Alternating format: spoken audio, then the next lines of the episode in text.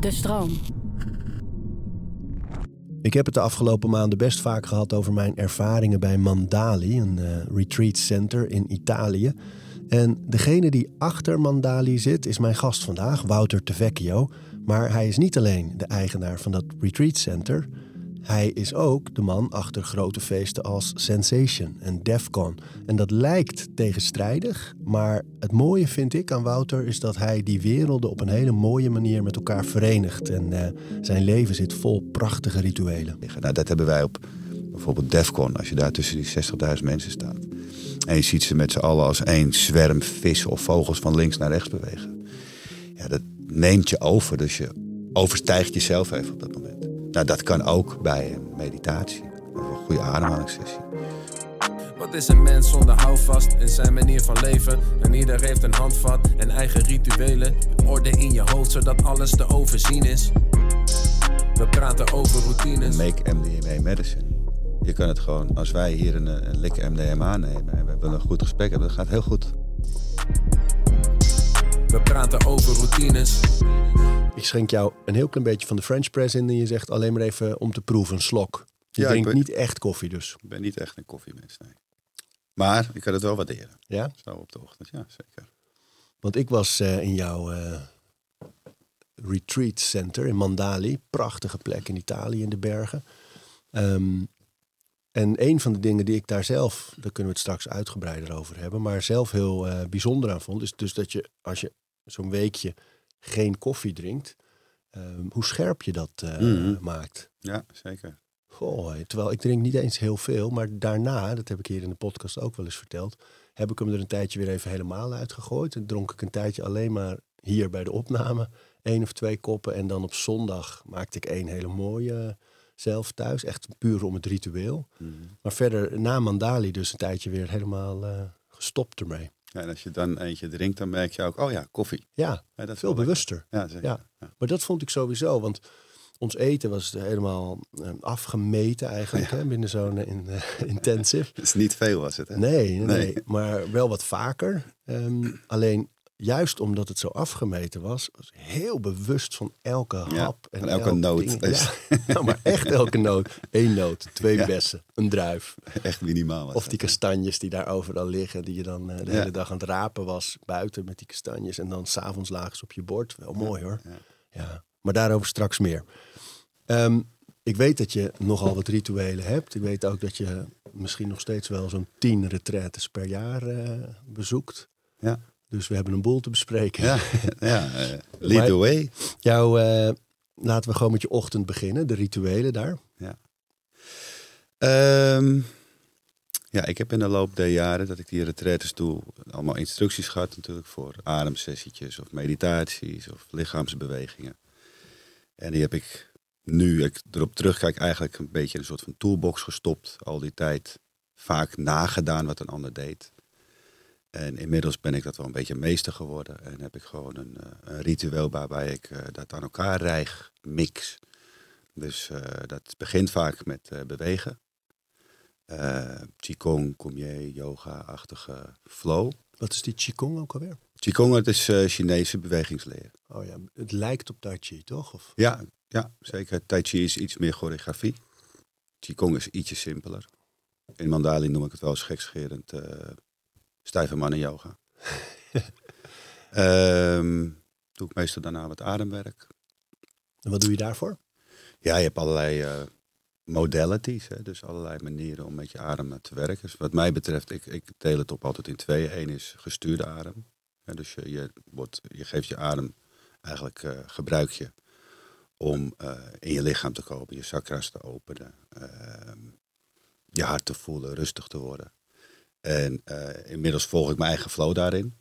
Dus uh, dan is het weer uh, zes seconden in, zes seconden vast, zes seconden uit, zes seconden vast. Of het is heel diep in, vasthouden, minuut, heel diep uit, vasthouden, minuut. Wim, Hof, Wim Hof-achtige ja. dingen. En maar hoe bepaal ook, je het in de ochtend, welke je doet? Op gevoel? Ja, inmiddels, ik, heb, ik heb altijd, ik ben begonnen met een hele strenge boeddhistische meester. Heb ik vijf jaar in een sangha gezeten. Toen was ik echt heel erg dedicated. Hij zegt dat het zo moet, zo doe ik het. dat heeft me later een beetje in de weg gestaan om zeg maar vrij en geïnspireerd te oefenen. En inmiddels ehm, ja, ben ik vertrouwd genoeg met heel veel oefeningen, zodat ik het gewoon lekker aan elkaar rijg eigenlijk. Het is meer een flow waar ik in zit. Eh, daarna, na die adem, eh, doe ik vaak wat eh, mantra-recitatie. En wat doe je daar? mijn favorite is Oma Hung. Om A Hung. En die kan je op allerlei manieren doen. Eén hele adem in, dan Om, tot hij helemaal uit is. En dan A Hung. En dat kan je dan ook weer koppelen aan energiecentra in je lichaam. Want hoe werkt dat? Als je, want ik merk nu als jij het zo doet, hè, die oom, daar zit al meteen iets spiritueels in. Je voelt, je voelt een trilling of een, uh, je bent meteen daar. Ja. Alleen hoe, waarom doe je het? Ja, ik heb instructies gehad van uh, boeddhistische leraren. Ehm, maar dat is niet de reden waarom ik het doe trouwens. Dat is meer hoe ik erop gekomen ben. Mijn grondpad is wel het boeddhistische pad. Uh, daar vind ik gewoon heel veel in. oma, hoe, het, je gebruik van je stem ik weet zeker dat je dat ook wel kent met, met zingen of gewoon. Dat is heel bevrijdend. Het, het, je hebt heel veel helende instrumenten, zoals uh, gongs of klankschalen. Maar het beste helende instrument van jouw eigen lichaam is jouw eigen stem. Uh, dus als je die gebruikt uh, met aandacht, kan je heel goed contact maken. Dus als ik. Oh, dan kan ik ja, in principe met de hoogte en de diepte ervan voelen waar op dat moment ik dat in mijn lichaam voel. En zo kan ik het eigenlijk als een soort van fluit een beetje op en neer gebruiken om bepaalde centra, chakra's, aandacht te geven, te openen in de ochtend. En stel je voelt dan inderdaad van oké, er zit iets bij mijn, in mijn buik of bij mijn onderrug of wat dan ook. Hoe, wat doe je daar dan mee? Ja, dat is dus dat stukje flow. Dus ik, in, in eerste instantie voor mij uh, is dat, uh, dit zijn allemaal hele persoonlijke dingen. Want misschien werkt het voor andere mensen heel anders. Maar het lokaliseren van uh, waar de energie naartoe gaat. Dus jij zegt bijvoorbeeld onderrug. Oké, onderrug. Dan eerst met al mijn aandacht naar die plek toe gaan. Ik gebruik daar vaak adem voor. Dus ik ga met die plek ademen. En als ik dan het gevoel heb dat ik met mijn aanwezigheid bij die plek ben. dan kan ik een mantra uitzoeken om dat te laten trillen. In principe pijn of ongemak is iets wat een beetje gestagneerd is in mijn ervaring. Als je daar beweging in brengt. Dat kan ook door beweging, maar het kan ook dus door energie van de adem of energie van de trilling van je stem. Om het weer in beweging te krijgen en te laten flowen. En dan aan het eind van uh, de mantra's, als ik deze volgorde gebruik, geef je nu een voorbeeldje. Uh, dan doe ik vaak nog uh, de practice of non-meditation. Dus gewoon eigenlijk zitten. Non-meditation. Ik heb daarvoor vaak nog een meditation practice. En dan non-meditation. Het geheel duurt meestal anderhalf uur. Zo. Ja. En dan weet ik dat jij, je komt natuurlijk uit een, uh, in ieder geval vanaf de, vanaf de zijlijn snellere wereld. Zeker. Uh, maar uh, dan is anderhalf uur in een leven. Ik weet dat je vader bent. Je, je, leidt een bedrijf, bedrijven. Um, anderhalf uur lijkt voor mensen die luisteren ook lang. Hè? Ja. ja, ik heb daar. Ik was natuurlijk, ik doe niet zo vaak praatjes en interviews. En ik probeer natuurlijk ook. Ik wil niet de verhalen ophangen van nou, 20 jaar retraites en nu anderhalf uur per dag. Want dat lijkt alsof het zo onhaalbaar wordt voor anderen ook. En ik zit hier met name hopelijk dat mensen die iets oppikken. Maar ze zeggen, hé, hey, dat kan ik ook. In plaats van, oh, moet ik dan ook 20 jaar op retraite gaan. En uh, anderhalf uur per dag. Of... Nou, wat mij betreft hoeft dat niet. Ik heb het ook echt nodig. Uh, ik ben niet uh, geroepen ergens door een hogere energie of zo. Ik had gewoon echt ontspanning nodig in mijn leven. Op, op een ja, 30-jarige leeftijd. Ik was gewoon helemaal doorgesjeest. Ik had het echt nodig. En, um, Hoe zag doorgesjeest eruit bij jou? de hele wereld overreizen. Met Sensation en andere feesten. Ehm, heel erg gericht op uh, materiële rijkdom. Uh, vriendschappen ook wel hoor. En heel veel reizen. Heel veel feesten. En ik sta niet met een uh, langs de kant. Ik doe gewoon mee. Ik ben participant van die feesten. Nog steeds. Niet zoveel meer hoor, maar als ik er ben, dan doe ik nog steeds leuk mee. Um, heel veel verantwoordelijkheid. ik had op mijn dertigste, werkte er al honderd mensen waar ik voor verantwoordelijk was Ook mensen die ouder waren dan ik. Het ging over veel geld, veel verantwoordelijkheid. En eh, een, een race naar meer en groter. En ehm, elke keer als we die mijlpaal bereikt hadden, dan, eh, dan verscheen er weer een nieuwe. Nog groter, nog meer. En wel met het idee van als we dat halen, dan, dan, hebben we echt, dan zijn we er echt. Dan zijn we echt gelukkig. Dan hebben we het echt bereikt. En dat moment kwam eigenlijk nooit. Nee, dat is bijzonder. Hè? Want ik denk, kan me voorstellen op welk, kijk, dat is eh, Champions League niveau. Maar op elk niveau, denk ik, voor elke luisteraar, van je kan het gevoel hebben dat je juist door elke keer weer die grenzen te verleggen en zo'n nieuw doel, van, dat is ook een, een ontwikkeling. Dus Ja. het voelt ook goed ergens van, hé, hey, we zijn aan het groeien, er gebeurt Ja, iets zeker. positiefs. Ik was jong. Ja, Jong, een hele snelle markt, hè, dus feesten. Dus iedereen die komt, die zegt, nou, wat een geweldige avond, dankjewel. Dus directe voldoening. enorm eh, ego opgebouwd daarmee. Veel aanzien, veel waardering, veel geld, snelle auto's, dikke reizen, VIP. eh, alles was gewoon over top. En dat, dat was eh, destijds ook, dat wilde ik ook. Dus het, het, wat wij wilden, dat werkte. Alleen, ik dacht dat ik het wilde. Maar toen ik het had, bleek het eigenlijk een soort van, het was het een teleurstelling. Kan je dat, want het verhaal, hè, dat hoor je op, op verschillende niveaus, vaak van juist mensen die succesvol eh, zijn, dat ze denken van ja, weet je, dat is niet wat het geluk brengt. Nee. Maar kan je dat eh, aannemen als je het niet ervaart? Dus ik bedoel, voor mensen, want op papier zie je dan, ja, ja, oké. Hmm. Maar, maar mensen blijven het maar nastreven. Het lijkt wel of niemand er ooit van, van het verhaal van een ander leert. Ja, hele goede vraag. Eh, dit, dit is voor mij best wel een, eh, een, een grote worsteling. Als ik eh, ja, per- mensen persoonlijk begeleid of probeer te supporten of te mentoren, krijg ik vaak ook wel, maar jij hebt makkelijk praten. Jij hebt makkelijk praten, jij hebt dat allemaal al. Zeggen ze dan. En ja, dan is het natuurlijk een beetje, ja, maar dat is het niet. Weet je, dus het lijkt wel, ja, het is wel leuk dat jij dat zegt, Wout, maar als je zoveel geld of zoveel ja, geld meestal gaat het dan over hè, hebt, dan eh, heb je gewoon heel veel problemen al niet meer in je leven. En dat wil ik ook helemaal niet eh, ontkennen. Misschien is dat ook wel zo. Ik heb heel lang geen geld gehad en toen heb ik het niet echt gemist. Dus denk dat het voor iedereen anders is. Maar er is zeker een, een, een, een laag met geld als je daaronder komt, dat het gewoon je, je tijd opslokt, omdat je gewoon niet rondkomt. En ik heb ook dat soort vrienden, familie in mijn omgeving. En ik zie dat dat gewoon een enorme struggle is. Dus daar wil ik wel gewoon respectvol mee omgaan. Maar als je net op die grens komt van, ehm, nou oké, ik heb het eigenlijk wel oké. Eh, dan is het wat mij betreft een kleine stap om van de, nou laten we zeggen 16 uur dat je wakker bent per dag. Te beginnen met een paar minuten inruimen voor, laat het beginnen met je ogen dicht doen. Dus doe niet zo heel veel doen. Doe- Dat is ook vaak wat ik eh, mensen aanraad. Van, ga niet mediteren, doe gewoon je ogen dicht. En kijk eens wat er gebeurt. Beschrijf eens wat er nu gebeurt. Als je je ogen dicht doet. Dat is een mooie eerste stap, hè? Ja, is gewoon de ogen dicht. Ja, en, eh, stilte. ja, en eh dat is zo'n dwingend zintuig. Dat eh, als we daarmee beginnen, ja, ik word helemaal gek van mezelf. Oh, oké, waar word je gek van dan? Ja, enorm veel gedachten of gevoelens. Oké, eh, mogen die er zijn? Weet je, dus hele kleine stapjes. Ehm, maar ik, ik vind het nog steeds wel moeilijk om eh, inderdaad mensen langdurig daarin te helpen. Sommige mensen zijn heel gemotiveerd. En eh, daar krijg ik heel veel energie van. Als mensen de motivatie hebben om ja, vrij te willen zijn, om het zo even te zeggen. Maar voor quick fixes, op, op dit pad waar ik op zit, in mijn ervaring, het is mij niet gelukt, een quick fix.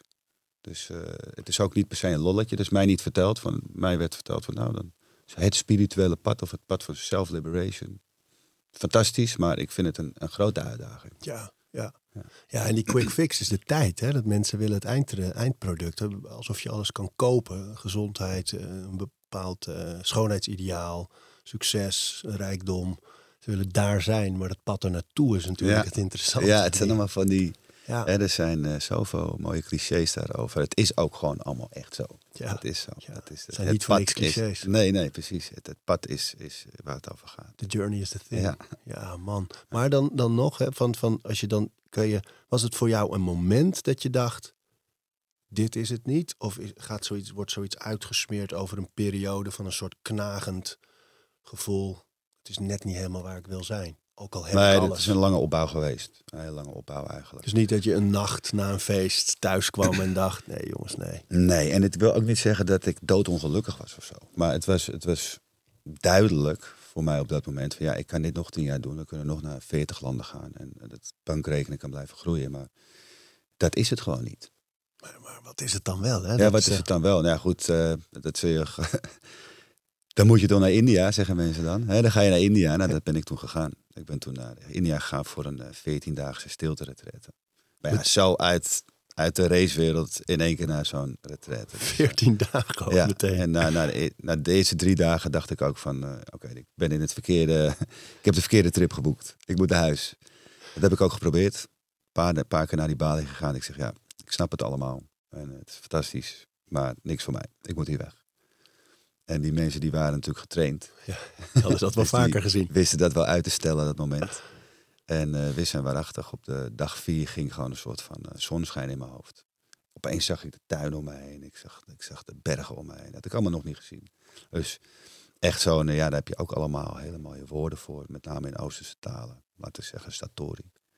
Eh, een, een moment van awakening. Een glimpse van je ware natuur. Een, eh, een gevoel van thuiskomen. Er zijn heel veel manieren om dat te beschrijven. En dat was het allemaal voor mij. En dat was zo indrukwekkend dat ik er eigenlijk volgens mij zes, zeven dagen nog in soort van gebaat heb daar. Ik wilde eigenlijk niet, nooit meer naar huis. Ik had een rotbed. We kregen elke dag dezelfde rijst. De douche was koud. Maar ik vond het fantastisch. En ik kwam terug natuurlijk als een soort missionaris. Iedereen moet in stilte. Iedereen. en dan kwam ik op kantoor. Eh, en we moeten echt alles veranderen. En die dacht, die gozer is de weg kwijt. Die is echt bij een secte aangesloten. En eh, die is van het pad af. Terwijl ik het gevoel had dat ik net een stap, eerste stap op het pad had gezet, zeg maar. Dat, is, eh, dat was voor mij eigenlijk het begin van een hele lange reis. Mooi man. Ja. Ja. Ja, dat is echt met die stilte. hè? Want waar Mandali eh, in jouw retreat, waar ik zelf ook was, die stilte. eh, en daar is dan ook de social silence, dat je elkaar dus ook niet kan aankijken. tot je met elkaar in, een, in een tweegesprek eh, zit. En dan kijk je elkaar alleen maar aan. Mm. Wat ook heel intens Ja. Waren momenten dat je, omdat je de hele dag dus geen oogcontact maakt, echt met niemand. En je eten is afgemeten, je, je zwijgt. Alles wordt intenser. En dan op, dus op het moment dat je oogcontact maakt met die andere persoon, soms zat je zwijgend allebei te huilen. Of ook wel eens allebei eh te slappe lach ineens. Eh, maar het was zo eh, emotioneel en verbindend zonder dat je een woord nog gesproken had. Ik vond Ja, het maar ja. heel bijzonder. En wat jij nu beschrijft, ik kan me voorstellen dat het met zo'n 14 dagen nog veel sterker is. Maar dat alles zo bewust binnenkomt. Dat we vergeten in onze tijd, dat razen en door en door en door. Ehm, dat je vergeet echt om je heen te kijken hè, naar kleine dingen. Dat, Ja, zeker. Daar op dat terrein weet ik nog dat je, heb je van die ja, humming moths zijn het. Een soort eh kolibrie vlindertjes. En die zitten op de bloemen daar. En eh, Peter Harper, degene die de intensive leidde, de Drunken Monk, Ja. fantastische vent. Ja. Die vertelde al dat die beestjes daar zaten. En ik, ik liep daar rond in mijn eentje, zwijgend. Andere mensen ook zwijgend. Het was een beetje een filmscène. En ik zag, ineens zag ik zo'n humming. Ik stond gewoon te huilen erbij. Mm. Zo mooi was het. Zo is dat als je open bent. Ja, Prachtig. maar dat de stilte dat brengt. En weet je wat ik wel? Ik dacht als jij komt lijkt het me leuk om daar samen over te hebben. En ik denk dat mensen dat zullen herkennen die wel eens iets doen aan zelfontwikkeling of Mm. zelfreflectie. Of het nou naar een sauna, een massage is of naar een retreat, Ja. een retraite. Ehm, daar is het alles. S- soms zwaar, maar altijd intens. Altijd heb je er echt wel iets aan. En het moeilijke is natuurlijk bij terugkomst, wat jij nu ook beschrijft, van je komt terug in die andere wereld weer. Ja. Mensen denken dat je bij een secte bent gegaan. Of Ja. in ieder geval, soms denken ze wel, hé, hey, wat mooi, dat wil ik ook. Maar heel vaak denken ze ook, wow, wow, wow, dat, het is niet een hele goede match, lijkt het Nee. eventjes. En hoe heb jij, of hoe doe je dat nog steeds, want je bezoekt vaak de retraites. Hoe vertaal je dat naar het leven daarna? Ja. dat is, terugkomst. Dat is een hele goede vraag ook. Dit is echt een grote uitdaging. Eh, ik vind het nog steeds moeilijk. Ehm, ik had eh, in januari, eh, wij hosten een paar keer per jaar paddenstoelenretretes in eh, Mandali. Ik ben geen shamaan, maar ik heb het wel vaak gedaan. Dus ik kan die groep wel begeleiden daarin. En het was zo'n mooie groep. We kenden elkaar allemaal niet. Tenminste, ja, een paar wel natuurlijk. En binnen een week, nou, het, leek wel, het leek wel een soort van uh, zwaar op elkaar afgestemd topteam. was zo mooi. Heel veel sharings doe je dan en na zo'n ceremonie met elkaar praten. Wie heeft wat meegemaakt. En de ceremonie van, van als we die ook eens het zijn de, uh, de paddenstoelen de hallucinerende bedoel je toch? Want ik weet dat daar ook van die hele mooie eetbare paddenstoelen staan. Ja, nee, in dit geval uh, psychoactieve, entheogene, hallucinogene, allemaal woorden voor. Uh, golden teacher, chocolaatjes. Ja. En dan nemen we er vijf, zes chocolaatjes, sommige zeven, sommige vier. Dan gaan we liggen op een matje met man of 25 in die grote zaal beneden. Het duurt een uurtje voordat het gaat werken. En dan werkt het vier, vijf uur. mooie muziek. En dan komen we eruit in stilte. Twee uurtjes later, later komen we terug en dan delen we wat we ervaren hebben. Maar je, gaat, je blijft in die zaal of ga je rondwaaieren over dat terrein? In principe, nee, we blijven in de zaal. Dat is het idee. Maar het is geen gevangenis. Dus uh, als jij naar buiten wil, ga lekker naar buiten. Uh, maar we nodigen mensen wel uit om het proces. Je kan allerlei manieren met het medicijn werken. Je kan de natuur ingaan. Je kan er goede gesprekken mee hebben. Maar je kan ook gewoon oordop in, ooglap op. Gaan liggen op een mat en het helemaal naar binnen laten werken, dat medicijn. Dat is mijn favoriete manier. Tenminste, de meest diepgaande manier, vind ik eigenlijk. Maar wat uh, gebeurt er als je daar dan ligt en je, zoals jij, ooglappen op, naar binnen? Nou, ik heb dat uh, best wel vaak gedaan. En elke keer is compleet anders. Dus wat er gebeurt uh, is ja, sowieso elke keer anders. Ehm, het is een medicijn. dus het is ooit heel vernuftig misschien. Of per abuis op de opiatenlijst gekomen. Terwijl het groeit overal waar je een schep in de grond steekt. Daar, daar komen paddenstoelen naar boven. Ja, het zit een beetje in die Mike Pollen uh, documentaire ja, nu, hè? Ja, How to Change Your Mind. Ja, die ja. En oh, Fantastic Fungi hebben dat is ook een hele mooie docu om te kijken op Netflix. Ja. Het is een medicijn. Uh, alleen met een trilling die um, ja, de poort openzet naar uh, bewustzijn frequenties waar je met het dagelijks bewustzijn geen toegang tot hebt eigenlijk. Uh, dan kijkt het medicijn wat er in, in eerste instantie in de weg staat van jouw vrijheid. Dat kan iets lichamelijk zijn, hè, dat er gewoon emotionele, dat de emoties zitten opgeslagen op plekken die jou eigenlijk ja, uh, je vrijheid in de weg staan. Uh, het kan ook spiritueel zijn, omdat je verbinding bent verloren met, met liefde of met anderen of met de natuur. Dus het gaat eigenlijk op zoek naar wat jij als, als eerste nodig hebt. Het is een helend medicijn, het heeltje. Uh, om weer terug te gaan naar de, meer wat originele staat waar we vandaan komen. Van een verbonden, open, vredige, vrolijke, krachtige, stille staat. Uh, waar we allemaal vandaan komen en waar we allemaal zo naar verlangen, omdat we het daadwerkelijk ook zijn.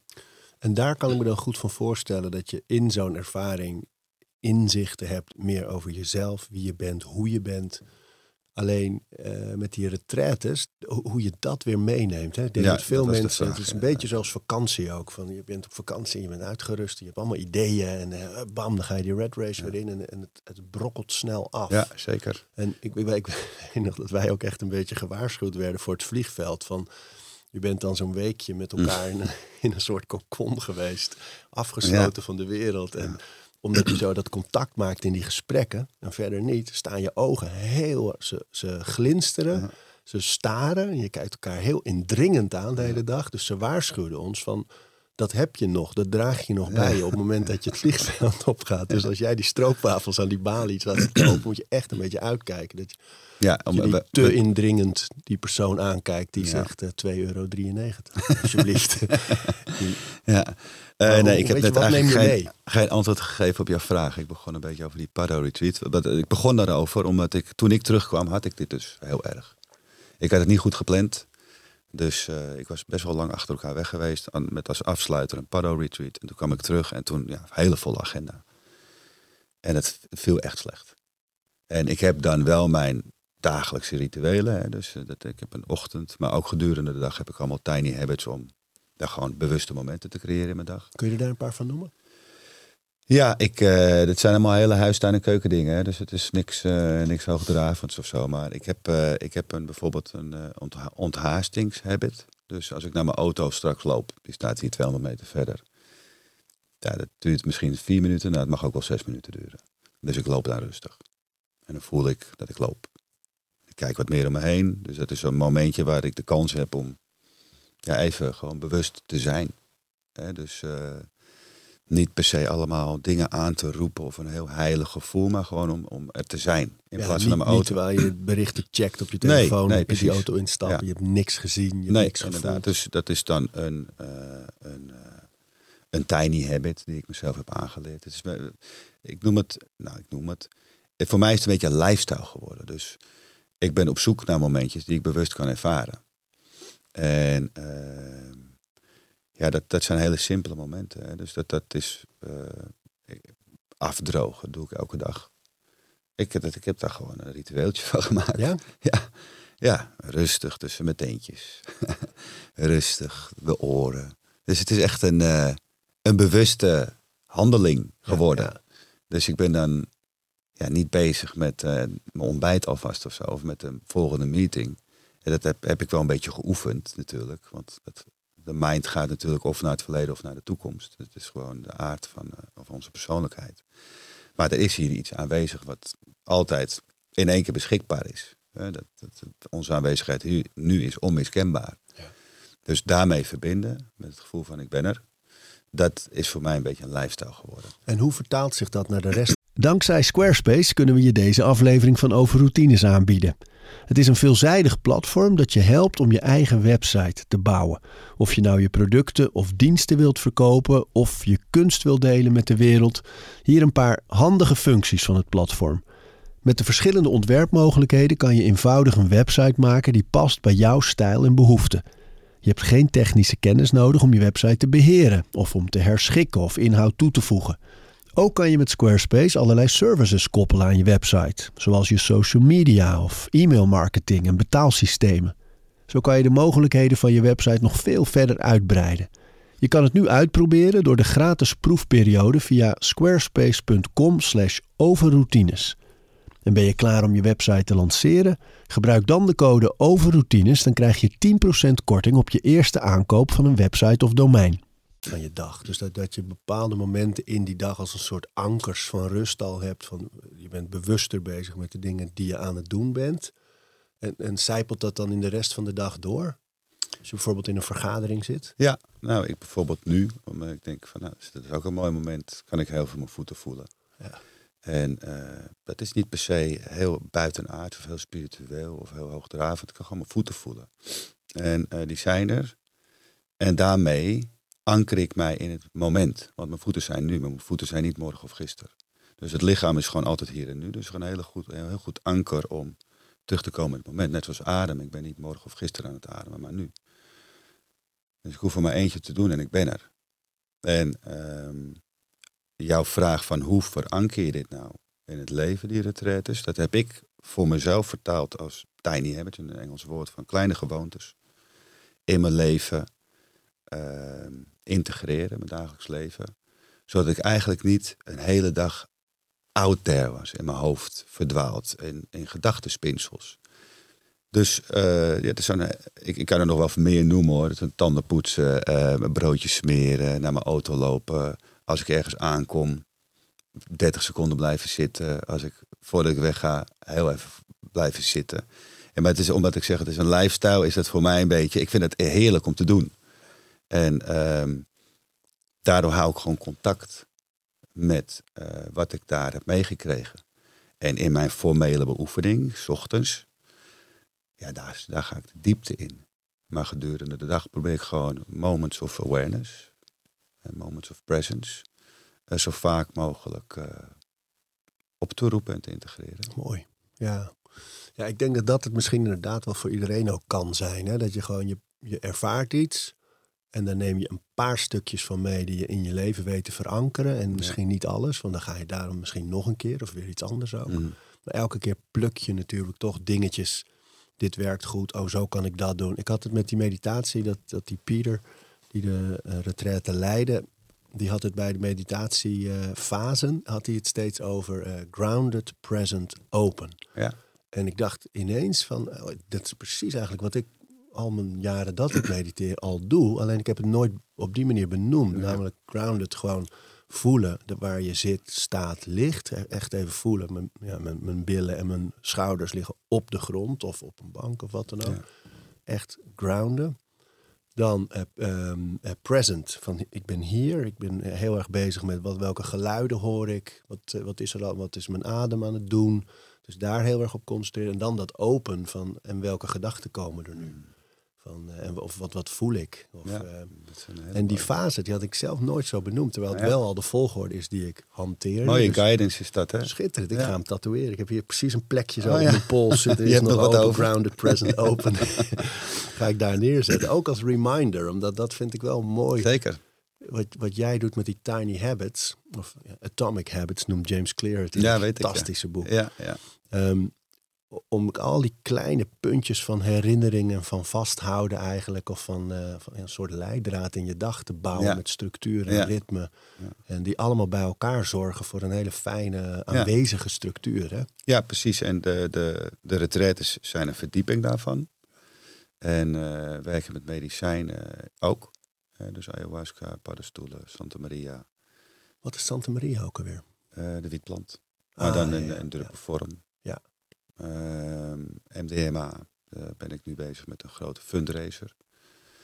Eh, Ik ben benaderd door eh, mensen van de Universiteit van eh, Amsterdam en het Universitair Medisch Centrum. Eh, er is in Amerika al lang onderzoek gedaan naar MDMA voor eh, chronisch getraumatiseerde mensen, Ja. PTSS'ers. Nou, dat zijn, de resultaten zijn heel erg mooi, heel erg goed. Na een paar sessies zijn die mensen van het trauma af. Het is ongelooflijk. Wel MDMA geassisteerde therapie. Hè? Dus je hebt therapie, MDMA geassisteerd. Dus gewoon een therapievorm, alleen dan een likje of een capsuletje MDMA erbij. Ja. En dat is baanbrekend. Nou, die resultaten die zijn, al, eh, die zijn zo baanbrekend dat ze in Nederland dit hebben opgevat. Dat willen we ook voor jongeren gaan doen. Dus eh, chronisch getraumatiseerde jongeren, die eigenlijk een beetje uitbehandeld zijn. En ja, we weten gewoon, zo getraumatiseerd, weten niet meer welke therapievorm we jou mee kunnen helpen. Om nu een onderzoek op te zetten, dat moet allemaal natuurlijk ook eerst goed onderzocht worden. Dat als opstap gebruiken naar, ehm, en deze fundraiser heet Make MDMA Medicine. Want het is gewoon eigenlijk een medicijn. Ehm, Als mensen het googelen, komen ze er meteen daarbij. Make MDMA Medicine. Ik ga maandag, dan ga ik de uitnodiging eruit sturen. Nu krijg ik meestal nodig ik iemand uit voor een leuk etentje of een feest. En dan vinden ze het leuk. Maar nu vragen we of ze geld komen geven. dus ik hoop dat ze ook komen. Ja, als het dan stil is, Ja. weet je. En, eh, Mogen ze ook niet meer op de feesten komen voortaan hoor. Nee, precies. Dus, eh, en we hopen een paar honderdduizend op te halen om eh, die wetenschappers die hier eh, ja, eigenlijk hun eh, ziel en zaligheid in stoppen, om die eh, op gang te helpen. In Spannend, Amerika is het veel gebruikelijker dat bedrijven en particulieren onderzoek financieren. Hier in, in Nederland is het eigenlijk komt bijna niet voor. Dus ze hebben En je mee- vecht nog tegen een vooroordeel, denk ik. Hè? Ik denk Ja, wel dat het in jouw scene en met je vriendenkringen, je netwerk minder is. Dat mensen zijn goed op de hoogte van de, de veiligheid eigenlijk van dat type Ja. Drugs, als je het nog Ja, zo mag zeker. noemen. Ja. En, het niet verslavende eraan, Ja, in tegenstelling tot cocaïne, heroïne. Dat is een hele andere hoek, de Absoluut. opiaten. Zeker, het wordt over één kam geschreven. Het staat op diezelfde lijst. Ja, En ehm, ja, daarvoor make MDMA medicine. Je kan het gewoon, als wij hier een, een likke MDMA nemen en we willen een goed gesprek hebben, dan gaat heel goed. wordt wel wat langer, denk ik, deze aflevering. We kunnen beter luisteren. en vooral wat er dan gebeurt, hè, is omdat het endorfine, serotonine, dopamine loslaat, lichaams eigen stoffen in je hersenen loslaat. Ehm, stel dat ik heb iets heel ergs meegemaakt. Ik heb iets heel ergs meegemaakt. Trouwens, mijn dochter werd aangereden en dat is allemaal goed gekomen achteraf. Maar dat beeld van dat zij werd aangereden en ik zag haar door de lucht vliegen. Oh, je was erbij. Ja, het was traumatiserend. Ik kon daar dus ook achteraf niet over praten. Ik moest elke keer huilen totdat ik een trauma-helingssessie deed. En daarna kon ik er heel goed over praten. Ze is overigens niet MDMA geassisteerd, geassisteerd, maar ik heb wel gemerkt daar wat een trauma-helende sessie, hoe dat werkt en hoe dat gaat. Hoe, hoe gaat dat? Kun je dat uitleggen? Ja, ze, deze therapeute die bracht mij terug naar het moment. Dus die zei wat er gebeurde. Toen begon ik, ging ik, nou, ze liep de weg op. En zei ze, nee, nee, ho, ho. We gaan eerst even terug. Je zat thuis en wat gebeurde? Moest ik eigenlijk minutieus elke actie beschrijven die leidde tot dat moment. En dat duurde al tien minuten. Van nee, ik deed de kofferbak open en ze verscheen recht achter mij. Toen liep ze de weg op en toen, toen pop, werd ze aangereden. En toen kwam ik bij dat moment, moest ik heel erg huilen. En zij in de therapie brak toen in van realiseer dat Maya, mijn dochter, gezond is. Dat ze er is, dat alles goed is gekomen. Dus je brengt je, je, brengt je heel erg na dat moment van dat het gebeurt. Dus de herinnering zo levendig mogelijk ervaren. En op dat moment wordt er ingebroken en gezegd, maar het is allemaal goed. Dus je rewired eigenlijk Ja. die, die herinnering. En dat, ja, dat is fantastisch van de hersenen dat ze dat gewoon kunnen. Dus de angst en de realiteit komen samen. De angst die niet aan de hand is, Ja. word je mee geconfronteerd. Ja. Wat is de realiteit? Niks aan de hand. Dus hou er vast in je handen voor je gevoel en vertel het verhaal nog. Oh ja, oh ja. En toen nou. En Hoe oud is Maya? 13. man. En ze was toen vier of zo, drie. Eh, maar voor veteranen, hè, die, wiens vriend naast hun ontplofte op het slagveld, eh, en die nooit aan therapie hebben gedaan, die kunnen het zelfs in therapie dat moment gewoon is too much. Die kunnen daar niet bij. Maar nemen ze MDMA en het, die e- endorfine, serotonine, dopamine laten los, dan is die drempel om erover te praten is weg. Van, nou, dat kan ik eigenlijk wel vertellen. Nou, ik liep op het slagveld, ik was met mijn vriend en eh, ja, die ontplofte. En dat besef, dat ze er gewoon over kunnen praten, dat is de aanzet tot heling. Ja, want voor de geest is het natuurlijk hetzelfde. Ah, Ja. nu hebben we er gewoon over gesproken Ja. op een manier die niet beklemmend was. Exactly. Nu is het Dus. Zo. Hey, je kan er gewoon over praten. Maar dit zit ook heel mooi in die docu van Michael Pollan op Netflix. How to Change Your Mind. En ook hoe deze dingen op die drugslijst zijn gekomen. Gecriminaliseerd zijn Ja. een beetje echt. Ja, en, eh, maar ook waarom ze er weer af zouden moeten. Ja. En wat er allemaal aan prachtige dingen gebeurt al eh, nu. Zwitserland, Amerika. Ik, eh, ik word dan gewaarschuwd van, ja, maar als ze ga nou niet erover praten. Hè, van ehm MDMA wel, want het is gewoon oud in die open hier in Nederland. is gewoon een, een- een bekende fundraiser. Maar wat ik zo mooi vind is dat voor jou in jouw leven komen al die dingen bij elkaar. Hè? Dus dat je vanuit die hele dancewereld, eh, Q-dance, Sensation, Defcon, eh, noem het allemaal, maar alle, eigenlijk alle grote dingen die met dance te maken hebben, ko- komen bij jou en je vrienden, partners terug. Maar dat nu die wetenschappelijke wereld en die spirituele wereld eigenlijk allemaal op hetzelfde ja. pad terechtkomen. Ja. Dat is bijzonder. De mooie tijden wat dat betreft. Ja man. En ja, mensen vragen aan mij van ja, die feesten en die, en die retraites, hoe verhoudt zich dat? En eh, nogmaals, ik doe niet vaak praatjes in, in media, maar het is meer in de persoonlijke sfeer. En ik heb altijd, wat voor mij het is geweest, ik heb echt een transcendente ervaring op een evenement gehad. Dus Kun je die beschrijven? ja, dat ik dus, ik heb tot mijn 28e was ik mega antidrugs, ongelooflijk maar waar. Dus eh, geen, helemaal niks. Geen sigaret, wel een drankje, geen, geen jointje, geen pillen. Ik was zwaar anti, ruzie met mijn vriendin dat ze ooit een pil had geslikt, zeg maar. Ik was, jij bent er zo eentje, weet je wel. Maar toch was ik een keer op Ibiza verdwaald en maar, van het een kwam het ander en pilletje genomen op de dansvloer. Nou ja, net zoals iedereen die dat doet. Nou, oké, dan gaat een hele nieuwe wereld open. Dat heb ik toen eh, een jaartje later weer daar op die dansvloer gedaan. Toen zat ik bij een set van Carl Cox. Heb ik zes uur lang in een club in de Space. Ja, ik- vond het echt magisch. Het was voor mij buitenaards goed. Ik heb mijn ogen gewoon niet open gehad zes uur lang. En ik zat helemaal, ik wist welke plaat hij ging draaien. En ik zat helemaal op zijn flow. En Woutertje was er op dat moment even niet. Ik, gewoon helemaal zelfs, ik kon zelfs dansen op dat moment, terwijl ik helemaal niet zo'n danser ben. Alles bewoog precies zoals het moest bewegen. En ik, ik voelde alles aankomen. Geen gisteren, geen morgen. Helemaal in de flow. Lachende mensen om me heen. En ik was helemaal niet met mezelf bezig. Dus dat noem ik dan even mezelf getranscendeerd. Ik was even over mezelf heen gestegen. Nou, dat hebben wij op bijvoorbeeld Defcon. Als je daar tussen die 60.000 mensen staat. En je ziet ze met z'n allen als één zwerm vissen of vogels van links naar rechts bewegen. Ja, dat neemt je over. Dus je overstijgt jezelf even op dat moment. Nou, dat kan ook bij een meditatie. Of een goede ademhalingssessie. Of bij een paddelceremonie. Of bij een stilte. Dat je die, die misidentificatie met onze gedachten even overstijgt voor een moment. En dat is een hele nieuwe wereld die er dan open gaat. En, en jullie, met de, signatuur is hetzelfde. Hè? En ik heb het gevoel dat soms het publiek nog niet helemaal daar is. Dus dat je, ehm, waar de, de grote groep mensen die met dat spirituele pad bezig zijn, met zelfonderzoek, meditatie, noem alle retraites ook maar op. ehm, die ten dele overlapt die ook wel eh, de, de, de groep die naar de grote feesten gaat. Maar bijvoorbeeld Defcon voelt ook nog wat rauwer uh, dan... Ja, het is ook zeker niet dezelfde doelgroep hoor. Maar de signatuur is wel... Er zit iets heel spiritueels in. Een soort bijna nieuwe kerken van... Hier ja, komen we samen, we zijn gelijkgestemden. we beleven samen iets. We staan samen ergens achter. En er is enorme verbinding. Nou, wij, ja goed. Bij me, nu kom ik misschien een beetje meer uh, megalomaan over. Maar dit zijn hele mooie tijden wat dat betreft. Dus heel veel openheid. Onder jongeren vooral. Ja, hè? Die hebben wel duidelijk door van, hmm, er moet echt wel wat veranderen. Ja. Maar niet zozeer van uh, grote maatschappelijke veranderingen. Maar meer een, uh, een andere staat van bewustzijn. Uh, dus die, ja, die dysfunctionele staat van bewustzijn van het grote dikke ik. Wat ik net al zei, van ik en mijn verhaal en mijn gedachten. En mijn, dat, dat is eindig. En we samen, eenheid. Dat, dat, dat, voelen, dat voelt men, dat is opkomst. En het is ook een soort tegenbeweging tegen al dat grote, dikke ik-verhaal in de wereld. En wij hebben daar tools voor. Dus wij hebben, ik heb de leeftijd ervoor. Uh, ik heb het goede hart ervoor. Ik heb de bankrekeningen voor. Ik heb de plekken ervoor. Feesten, retretencentra, andere plekken, clubs. Waar mensen samenkomen. Dus ja, wij, vorige keer op, uh, op Defcon hebben wij gewoon uh, stiekem opeens Wim Hof daar ja, 60.000 uh, mensen laten ademen. 60, de grootste ademhalingssessie ooit ter wereld. Fantastisch. Maar ik kreeg echt kippenvel bij die beeld. Terwijl ja, iedereen roept dat ik ook kippenvel momentje. Maar daar, je voelde echt hoe bijzonder dat was. Hè?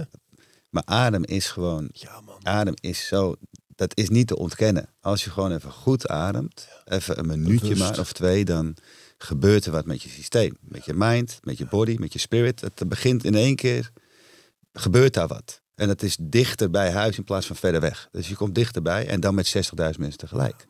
Ja, dat is echt magic. Dus voor ons is het niet zo van, kom, we gaan de wereld veranderen. Maar het is een mogelijkheid die we hebben. We hebben dat gevoel erbij gekregen, let's do it. Maar waarom? Wat is voor jou, als je persoonlijk bij jou je drijfveer om, om dit uh, te doen? Het, voelt een beetje als een roeping. Maar het woord roeping het heeft iets met verantwoordelijkheidsgevoel te maken, denk ik ook wel. Van ja, ik geef het een dikke negen, mijn leven. Ik ben hartstikke gelukkig. Uh, stel dat er een God is. En die kijkt naar de wereld van nou, op wie moeten we nu, van wie moeten we het nu hebben? Dan denk ik dat, dat hij bij jou komt. En bij mij. En van nou, mensen met een gezinsleven, met uh, met het hart op de goede plek, uh, die het goed hebben, die goed in de zin hebben met anderen, de wens hebben voor anderen dat ze gelukkig zijn, in plaats van alle, alle energie op zichzelf richten.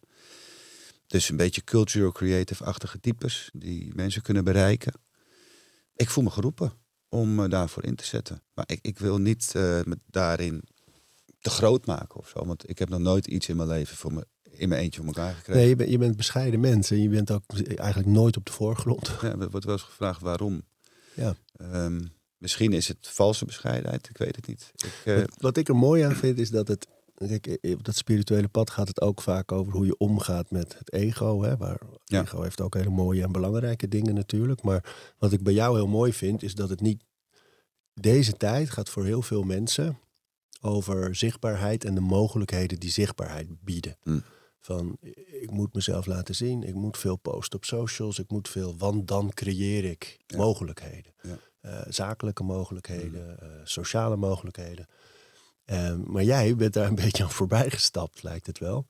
Um, je hebt geen socials, je, je treedt weinig naar buiten. Ondertussen maak je heel veel mogelijk. Dus eigenlijk die mogelijkheden die anderen zoeken via zichtbaarheid, mm. creëer jij op andere manieren, waardoor dat mm die bevestiging, die toch ook vaak is natuurlijk, die mm. zoektocht naar zichtbaarheid, helemaal niet nodig lijkt. Nou, vind ik, ik vind dat heel mooi. Dank je, dat, uh, zeg je mooi. Dat, dat is waar, dank je wel. Het is goed om het zo uh, te horen. Ja, inderdaad, het is ook zo. Ik uh, kan op andere manieren ook veel mogelijk maken. Zonder dat ik daar zelf centraal in sta. Ja. En ik heb dus helemaal geen moeite of oordeel over mensen die wel dat pad kiezen. Hè? Want als ze een bijdrage leveren aan andere mensen geluk, dan is het altijd goed. Maar het wordt de persoon zelf. Want als je kijkt naar, naar mensen bijvoorbeeld die internationaal succesvol zijn, op dit gebied. Dat zijn natuurlijk ook een soort wereldwijde supersterren geworden. Ja. Maar het gaat wel ook heel, hoe goed ze ook zijn en hoe prachtige dingen ze ook doen. Het gaat toch ook heel erg over hen. Ja, zeker. Nou, daar heb ik, daar heb ik, ik, ik voel me er niet tot aangetrokken. Ze zijn een merk. Ja, ik voel me er niet tot aangetrokken. En met name in de Oosterse filosofie, maar ook wel in de shamanistische filosofie, is het gewoon verboden om geld te verdienen aan de dharma. Je mag geen geld hebben. Is dat waarom jullie met Mandali ook een beetje op kostprijs werken? Want dat was een van de dingen die mij eraan opviel. Het, het is voor stichting. type retraite en hoe het Ja. eruit ziet, waar het is. Ja. De kwaliteit van het eten, van prachtige kamers, het uitzicht stichting. over dat meer. Je zit op een berg, bijna boven de wolken af en toe. Het voelt heel, eh, maar eh, het is relatief goedkoop. Het is een not-for-profit organisatie. Not for profit Ja, noem je dat. een, een stichting. Waardoor we het voor kostprijs kunnen neerzetten. Ja. Dus wij hebben ervoor gekozen. Wij hebben ooit heel veel geld gekregen voor de verkoop van ons bedrijf aan de Amerikaanse beurs. En Wilde en ik hebben toen besloten, oké, nou dan gaan we met de helft van het geld dat we krijgen, veel meer dan ik ooit kon opmaken. De helft doen we iets moois voor de wereld, dat is Mandali. En met de andere helft gaan we verder ondernemen en investeren. Ehm, wij proberen zo, zo laagdrempelig mogelijk te maken. Eén anekdote, er kwam daar een, eh, dus alweer drie jaar geleden. Ik heb daar natuurlijk een aantal Italianen voor me werken. En die zeiden van ja Wout, het gaat niet helemaal goed meer. Want er was vorige week was hier een dame en die kwam binnen op hoge hakken. En uh, zo'n dure Gucci tas, daar zat zoveel kolonje op dat die hele restaurant stonk naar haar. En er zat allemaal gouden armbanden en Rolexen om en zo. Ik weet niet of het wel goed gaat met wie hierop afkomt. En toen vroeg ik aan die dame, ik zeg, eh, hou je niet van Gucci-tassen dan? Of waren de hakken te hoog? Of eh, had ze geen lekker luchtje op? Wat, wat was er niet goed aan die vrouw? Ja, gewoon haar hele verschijning. Zeg maar, verdient zij dan geen retraite of zo? Ik zeg, ik denk dat juist voor haar de stap heel groot is geweest. Dat ze thuis tegen de vriendin heeft gezegd, ik stap het vliegtuig in. En ik ga op een retraite. Ja, ja. Dat, juist dat soort mensen zijn meer dan welkom. Je voelt de spanning daar, hè? want Ja. eh, jullie bieden daar stilte-retretes, eh, allerlei vormen van meditatie, ehm, ademwerk. Je kan echt van alles, maar je kan er ook gewoon heen zelf, om, eh, nou, min of meer als hotel, maar dat is beperkt natuurlijk. Ja. Ehm, alleen wat je merkt, dan verzamel je op het vliegveld en dan komt er een busje en dan ga je met zo'n groepje, dan zie je elkaar voor het eerst en dan voel je die spanning, want bij ons zat er ook iemand die min of meer is, die Ja, ja. jij nu beschreef. Een wat chiquer typeje, eh, duidelijk. eh, vond, die vond het heel spannend. Die had Mm. enorme drempels overwonnen om al te gaan. Zoveel moed verzameld om Ja. dat te doen. En die had wat jij had op jouw stilte die eerste dagen. Constant de behoefte om weg te gaan. Om eh, tegen de, de afspraken in te gaan. Of om niet mee te doen. Of, Ja. maar Oh ja. daar zit de grootste winst. Hè? En de meeste mensen zijn zo. Ja, En wij hebben maar 60 bedden. En we hebben 50 weken. Dat betekent dat er 3000 mensen per jaar kunnen kopen, komen. Het is helemaal uitverkocht. Kennelijk wil de hele wereld na corona op retraite. Dus er is geen bed meer te krijgen. Ergens zijn we daar natuurlijk wel blij mee. vraag jij wel eens af wie de, wat de reden is dat zoveel mensen daar nu mee bezig zijn? Ja, zeker. Ja. zeker.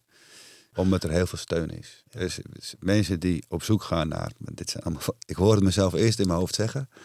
Maar en naar verbinding, naar liefde, naar licht. Dan, dan merk je dat, dat je gesteund wordt. Er is daar gewoon... Mandali bijvoorbeeld, eh, zo'n plek bouwen op een Italiaanse berg. Iedereen die zei, dat, is, dat gaat je acht tot tien jaar duren. We hebben de dingen in drie jaar neergezet. Alle stoplichten stonden op groen. Elke burgemeester, alles werkt mee. Omdat wij doen het niet voor onszelf. En als je het niet voor jezelf doet... eh, de Dalai Lama zegt heel mooi... Alle ellende in deze wereld komt voort uit mensen die zichzelf gelukkig willen maken. En al het mooiste in deze wereld komt voort uit mensen die anderen gelukkig willen maken. Ja, dat, dat is wat mij betreft een waarheid, het is een koe. En elke keer als ik eh, in mijn ochtendgebedje mij voorneem, als ik de kans krijg vandaag om iets bij te dragen aan andermans geluk, dan doe ik dat. En elke keer als het me lukt, zo gezegd, dan voel ik dat immediately. Het is heeft veel meer waard dan hoeveel euro dan ook. Dat gebedje trouwens. Van, van, is, is dat een, een concreet... Ja, even, even misschien doe ik het te kort als ik zeg een format. Maar heb je een vaste formule daar die je als gebed doet? Ik heb zeker elementen in mijn gebed die eh, vast zijn, omdat ik het gewoon gewend ben om te reciteren. Het is een, eh, een boeddhistisch stuk. Eh, dat doe ik na als ik klaar ben met, met beoefenen. Als ik mijn meditatie klaar heb. Het is een plechtig stukje hoor, dus later heb ik wat speelstukje. Maar het plechtige stukje wat ik gewoon gewend ben om, om, om te, te zeggen is... mogen alle verdiensten uit deze beoefening bijdragen aan de verlichting van alle wezens. Mogen ze alle geluk ervaren of de oorzaken van geluk ervaren. Mogen ze alle vrij zijn van lijden of de oorzaken van lijden. Mogen ze alle het grote geluk ervaren dat vrij is van lijden. Mogen ze in gelijkmoedigheid leven, zonder afkeer en gehechtheid. En mogen ze leven in het besef van de gelijkwaardigheid van alles wat leeft. Mooi man. Ja, dus dat is een stukje plechtig uh, gebed wat ik doe. Dan herhaal ik voor mezelf in mijn, voor, en dan moet ik contact mee maken voor mijn gevoel. in liberating myself, may I be of benefit to others. Door mezelf te bevrijden, mag ik ten dienste staan ja, dus aan anderen. Dan heb ik een stukje, uh, maar dat, dat, dat heb ik, is geïnspireerd geraakt door andere meesters, niet per se mijn gebed. Oh Lord, rid me of ego and merge me with you. Dus ja, bevrijd me van dat ja, onophoudende gedachtenstromen die, die het, uh, het mooie een beetje verduisteren. Dus bevrijd me daarvan en, en verenig mij met al het liefde en moois wat er is. En dat herhaal ik ook net zo vaak, totdat ik daar een gevoel bij heb. En dan sluit ik uh, meestal af met uh, I am. Dus dan blijf ik net zo lang ik ben. Ik ben het hele naakte aanwezige gewaarzijn voelen. En dat is dan een stukje formeel. En dan heb ik een uh, stukje free flow. Van, dat kan een dankbaarheid zijn. voornemen van de dag. Uh, de wens voor andermans dat ik iemand erbij haal van wie ik weet dat hij op dit moment uh, ja, hulp nodig heeft. En die dankbaarheid, die laat je jezelf ook echt voelen. Hè? Ja, dat, is, ja. dat is anders dan gewoon maar opnoemen. Uh, hier nee, zeker. van Niemeyer voor ons, daar ben ik dankbaar voor. Dat, dat is het niet, hè? Het kan wel, nee, die nee, het zou, zijn het zou, precies. Het zou kunnen. Kijk, ik ben, het, ik, ik realiseer me, het zijn allemaal wel plechtige dingen. Maar het is omdat ik al twintig jaar ermee bezig ben, heb ik gewoon een, ja, heb ik gewoon een flow daarin gevonden wat voor mij werkt. En um, er is niks minder waard als een leeg gebed, zeg maar. En in principe gebeden die puur voor mijn eigen geluk gaan, die, die zijn altijd minder krachtig als Ja. die ik doe voor andere mensen hun geluk. Dat, dat voel ik gewoon. En ehm, Maar hoe doe je, als je iets benoemt waarvoor je dankbaar bent, hoe zorg je ervoor dat je dat voelt? Want het komt hier ook vaak terug, hè, omdat het natuurlijk een, een tip is bij zelfoptimalisatie ook. Dat mensen zeggen, ja, je moet die dag eindigen met drie dingen waar je dankbaar voor bent. Of juist beginnen ermee. Maar hoe zorg je ervoor dat je dat ook echt voelt, in Ja. plaats van het alleen opzegt? iedereen kan dankbaarheid voelen. Ik, alleen, hoe zou ik dat nou bij mezelf kunnen ontdekken? Dat is een beetje de vraag. En dan niet met niet analyserend en evaluerend daarmee bezig zijn, maar meer met een interesse als een kind van, hmm, ik wil eens dankbaarheid gaan voelen. Eh, Is dat te vinden in mijn lichaam of in mijn, in mijn geest of in mijn mind? En op die manier eh, met interesse een soort inner detective dat gaan zoeken. Ja, En dan vind je het gegarandeerd. Ja, mooi. Ik hoorde laatst ook over een techniek en, en die kwam bij die dankbaarheid terecht door heel specifiek aan scènes te denken eh, met een geliefde of inderdaad een familielid of een kat. Maar heel specifiek een scène voor ogen te hebben dat je samen iets moois beleefde. Mm.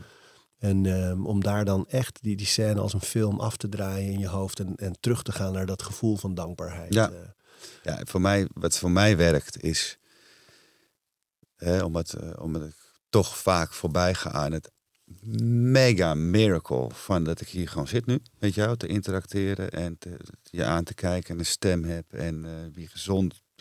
Echt helemaal top. En maar het wonder van het bestaan, waar ik echt helemaal niks voor heb gedaan, heb ik allemaal soort van gekregen. Iedereen mag invullen van wie. Maar voor mij is het een soort van geschenk geweest van het leven. Hier heb je een lichaam, hier, alsjeblieft. Nou, dankjewel. Om dat te eren. Om dat gewoon van, nou, het, is, het is toch waanzinnig. Het is toch ongelooflijk wat, wat dit organisme is. En hoe, hoe vet het is. ja, man. En die dankbaarheid te voelen. Er is al zoveel om dankbaarheid, dankbaar voor te zijn. Dat kan je bij wijze van spreken voelen als je in, in een cel zit. Hè, er zijn dus leraren die gaan langs die mensen die zijn opgesloten voor hun leven. Om dat soort basic gratitude. ja, je bent er. Ja, ja. Dat, dat je er bent. Ja, man. Ik doe dat na mijn training altijd. Eh, dat is mijn standaard afronding. En na een training, vooral na de intensievere, werkt het heel goed. Om dan, dan ga ik liggen en dan ga ik twee of drie minuten uh, herstelademing doen. Um, maar dat zijn ook dan, dan herhaal ik eigenlijk ook dat ik dankbaar ben dat mijn lichaam dit weer aankon. Dat ik in staat ben dit te doen. Weet je? En die dankbaarheid voor wat het lichaam kan, hmm. Die werkt op de een of andere manier ook goed voor het herstel. Hmm. Dat je daarna echt, echt wat krachtiger die dag instapt in plaats van echt kapot. Ja. Mooi is dat, denk je, nee, dit kan. Dit kan gewoon. Dat is fantastisch. Ja, ja. Ja, dankbaarheid is een hele mooie frequentie. Ja, schitterend. Wat is je volgende retraite? Uh, ik ga zondag naar Mandali. En uh, ik heb ooit een bedrijf opgericht, Q-Dance. En uh, we gaan met 40 mensen van Q-Dance gaan we een weekje... Ik heb een soort festivalachtige opzet bedacht. Dus we hebben daar vier groepsruimtes. En dan heb ik een ademcoach, ik heb een paro-ruimte, ik heb een uh, yoga-ruimte, ik heb sound journeys. En um, mensen mogen zelf een beetje een flow van hun dag invullen. Je mag ook dagje vrij nemen, maar wel in stilte. Een soort bedrijfsuitje van, ja, van ja, Q-Dance. bedrijfsuitje van Q-Dance. Het is, ze hebben best wel na corona best wel wat nieuwe mensen ook. Hebben zo wat weggegaan en moeten aannemen. Ook wat nieuwe mensen. Dus weer een beetje opnieuw een soort van establishment van oké, 2023. Best wel veel nieuwe mensen. We're still going strong. Ehm, dit is iets wat ik heel leuk vind om bij te dragen. Vorig jaar was ik er niet bij, was het ook niet heel goed bevallen. Het was, mensen dachten van ja, leuk dat die oude, want ik ben nu oud, 47, dat die oude het leuk vindt om in stilte te zitten, maar ik ben 23, ja, niet mijn ding. Dus toen heb ik gedacht van oké, ik ga dit keer zelf een design doen, een retreat design. En ik hoop dat ik ze kan inspireren. Uh, en dat ze denken, oh, oh, dat ademen was wel lekker. Of uh, eigenlijk wel top, dat stemgebruik. Of die wandeling. Of ik vond het dagje stil wel lekker. In plaats van ik moet. Ja, en dat je het voorleeft, hè? Dus die CEO eh, van Björn Borg in, in Zweden, eh, elke dag om 12 uur yoga met het hele bedrijf, maar hij staat vooraan.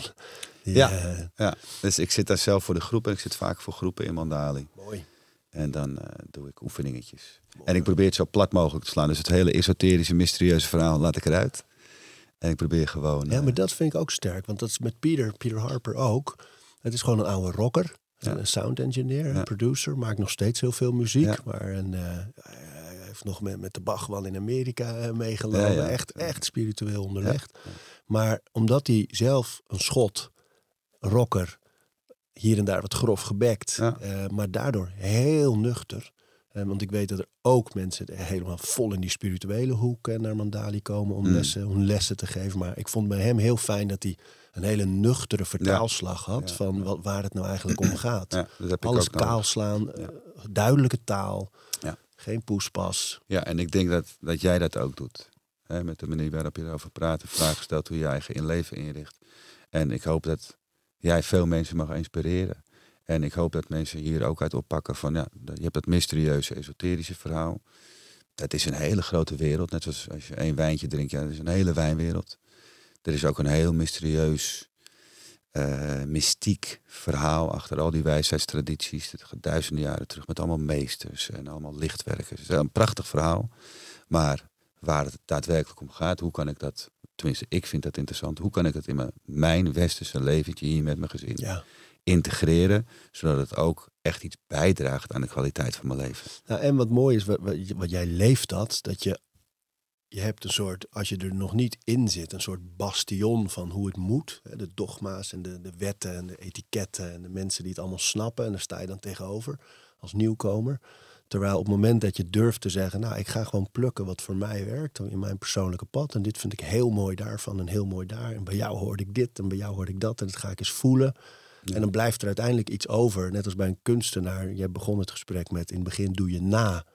Maar uiteindelijk vind je je eigen weg. Is het je eigen signatuur. En denk, het is denk ik heel belangrijk voor mensen die gaan onderzoeken. Om gewoon maar te proberen en te Zeker. toetsen. En er blijft wel iets hangen. En ik hoop dat, want ik heb daar heel lang over gedaan. Om op een of andere manier niet mezelf te vertrouwen dat ik mezelf kan voelen. Wat, wat beweegt nou lekker? Weet je, wat vind ik nou lekker? ik heb gewoon nagedaan. En dat heeft vast wel geholpen hoor. Dat ik heb gezien van, oh, je kan op al die manieren asana's doen of bewegingen doen. Of je kan op al die manieren ademen. Maar nu heb ik wat Nu heb ik eigenlijk pas, nou misschien sinds een jaar of vijf, wat, wat voel ik nou?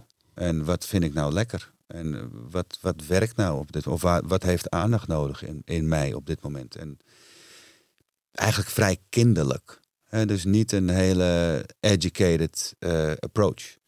Maar uh, een hele kinderlijke, geïnteresseerde houding. En niet te hard. Ik heb heel lang heel erg met de zweep erover gezeten. Te hard trainen, bepaalde meditaties urenlang doen. En ik was een soort van met ego ook aan het decoreren met... Ik heb drie uur vandaag gemediteerd, weet je. Dat was een soort van nieuwe pluim die ik mezelf in de hoed kon steken. Terwijl ik eigenlijk gewoon het hele woord mediteren als werkwoord heb ik moeten loslaten. Het is helemaal geen werkwoord. Het is een fantastische... Het, inzicht was dat. Mediteren is geen werkwoord. Hoe kan het nou dat ik het zo lang als werkwoord heb gezien, joh?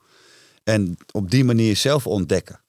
Uh, dat is eigenlijk het mooiste stuk van deze hele reis. En ik hoop dat mensen die dit verhaaltje horen denken van... oh, ik ga gewoon eens zitten en kijken wat er gebeurt als ik mijn ogen dicht doe. Ja, zoek Mandali is op ook. Het is echt ja. een tip. Het is echt een mooie plek. Ja. Hey, en uh, ik zit ineens te denken, die, die uh, Make MDMA a Medicine... zou je bijna als crowdfunder de wereld dit, Ja, dit is dus eerst doe ik een, een, een, funding... en ik weet niet of het gaat lukken, hè, maar ik ga ervoor. 200 mensen in de zaal. Ik heb een hele mooie zaal. Mooie show, hè, dat kennen wij uit die feesten, dus ik maak het mooi. Rick Doblin uit die How to Change Your Mind, die heb ik in, uh, ingevlogen. Die komt daar zijn MDMA-verhaal halen, houden. Professoren van de universiteit, doktoren van de universiteit. Allemaal een goed verhaal. En uh, als dat lukt, dan fase 2 crowdfunding. Ja man, ja. ik weet zeker, er zijn zoveel mensen die nu denken, ja, go. Ja, moet. ja. ja. dus uh, ik ga je sowieso uitnodigen ja, voor die avond. En, wie weet wat je ervan vindt. Fijn dat je er was, man, en dat je er bent. Ja, dankjewel voor de uitnodiging. Vond het heel leuk. Vond het een eer. We praten over routines